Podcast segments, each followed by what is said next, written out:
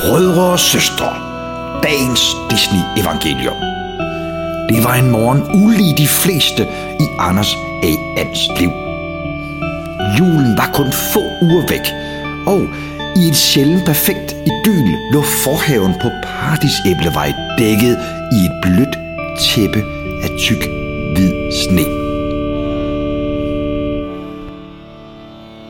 Hen over det hvide landskab lå duk og damp bag vinduet, hvor Anders stod og nød en frisk brygget kop kaffe. Fra badeværelsesdøren på klem hørtes lyden af brusebad og en nynnende kvindestemme. I går havde været en af de sjældne gange, hvor vor evigt kæmpende romantiker havde haft en vellykket date med sin udkårne.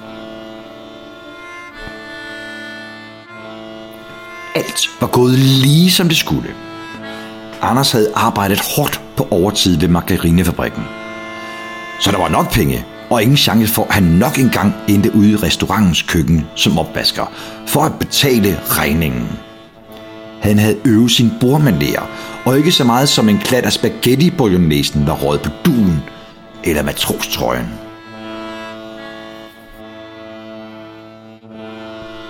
Tjeneren havde været høflig, og selv da han ved et uheld spildte champagne i skød på Anders, havde vor dagligdagens sendguru blot talt langsomt til ti og tænkt hen på næste tirsdag. Ingen raseri fik lov til at ødelægge aftenen, og Anders Signe havde uden at tøve inviteret sig selv til at blive natten over.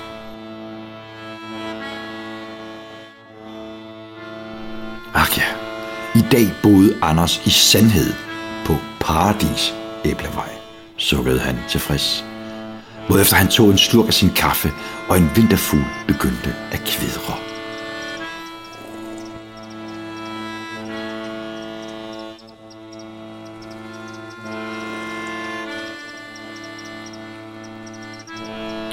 Verden lå åben, følte Anders. Det var en sjælden optimisme, der besatte ham. Han ville købe lotterisedler uden at gøre sig falske forhåbninger, tilfreds med morskaben i at deltage i livets fornøjelige leg og spænding. End ikke syn af fætter højben med et lignende sædler i hånden ville kunne slå ham ud.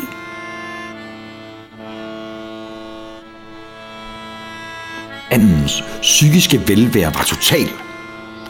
Dagligdagens altædende malstrøm af angst, frygt og ulykker kunne i dag koges ned til et simpelt kløe på maveskinnet. Hvorfor kløede det der?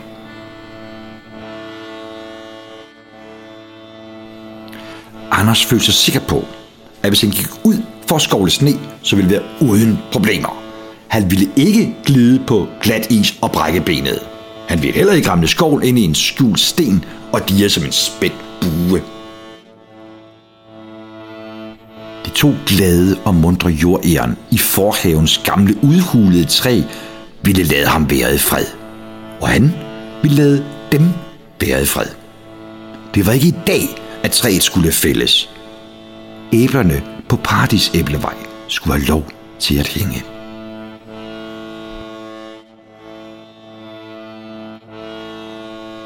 Hver især kunne finde deres julefred i dag, følte Anders. Og alle, mest af alt ham selv, havde fortjent det. Men den hulens kløe, han krassede løs på sin matrostrøje. Fuglekvideren var blevet aflyst af en anden lyd nu. En summen fra en flue i vindueskarmen.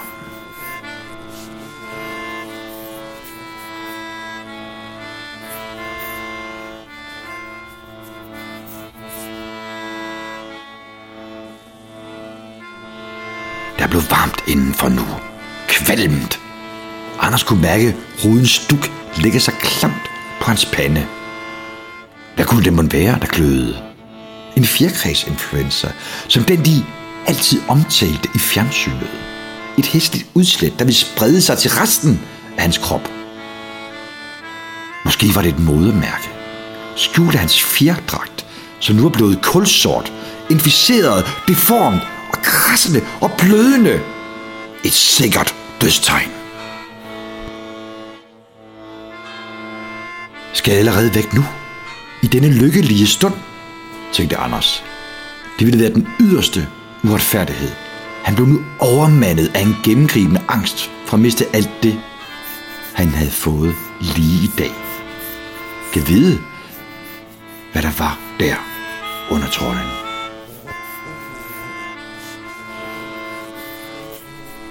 Pludselig tænkte Anders på betydningen af hele vejnavnet. Paradisæblevej. Æblet fra kundskabens træ. Træet, der gav de første ender kendskab til synden, til døden og sygdommen, var lige her i hans forhave. Det hang på disse ærenbefængte grene og lukkede ham til at kigge under trøjen og stå over for sin egen dødelighed.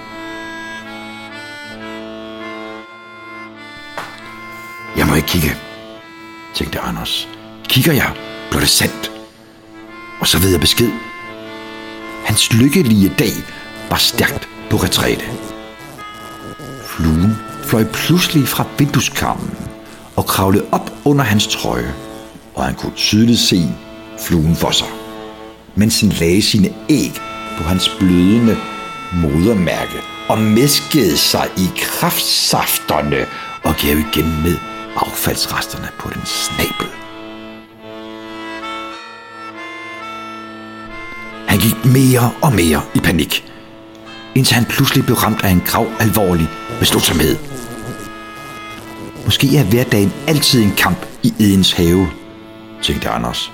En kamp mellem at tage en bid og få kundskab og dø, eller at blive i haven. Uviden for altid.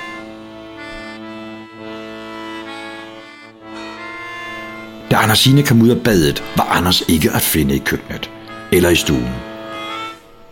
En kop kold kaffe stod i vindueskarmen. Hun kiggede ud i haven, hvor jordæren flygtede hylende bort, og hvor hendes kære and i frødende vildskab var ved at hugge æbletræet på paradisæblevej med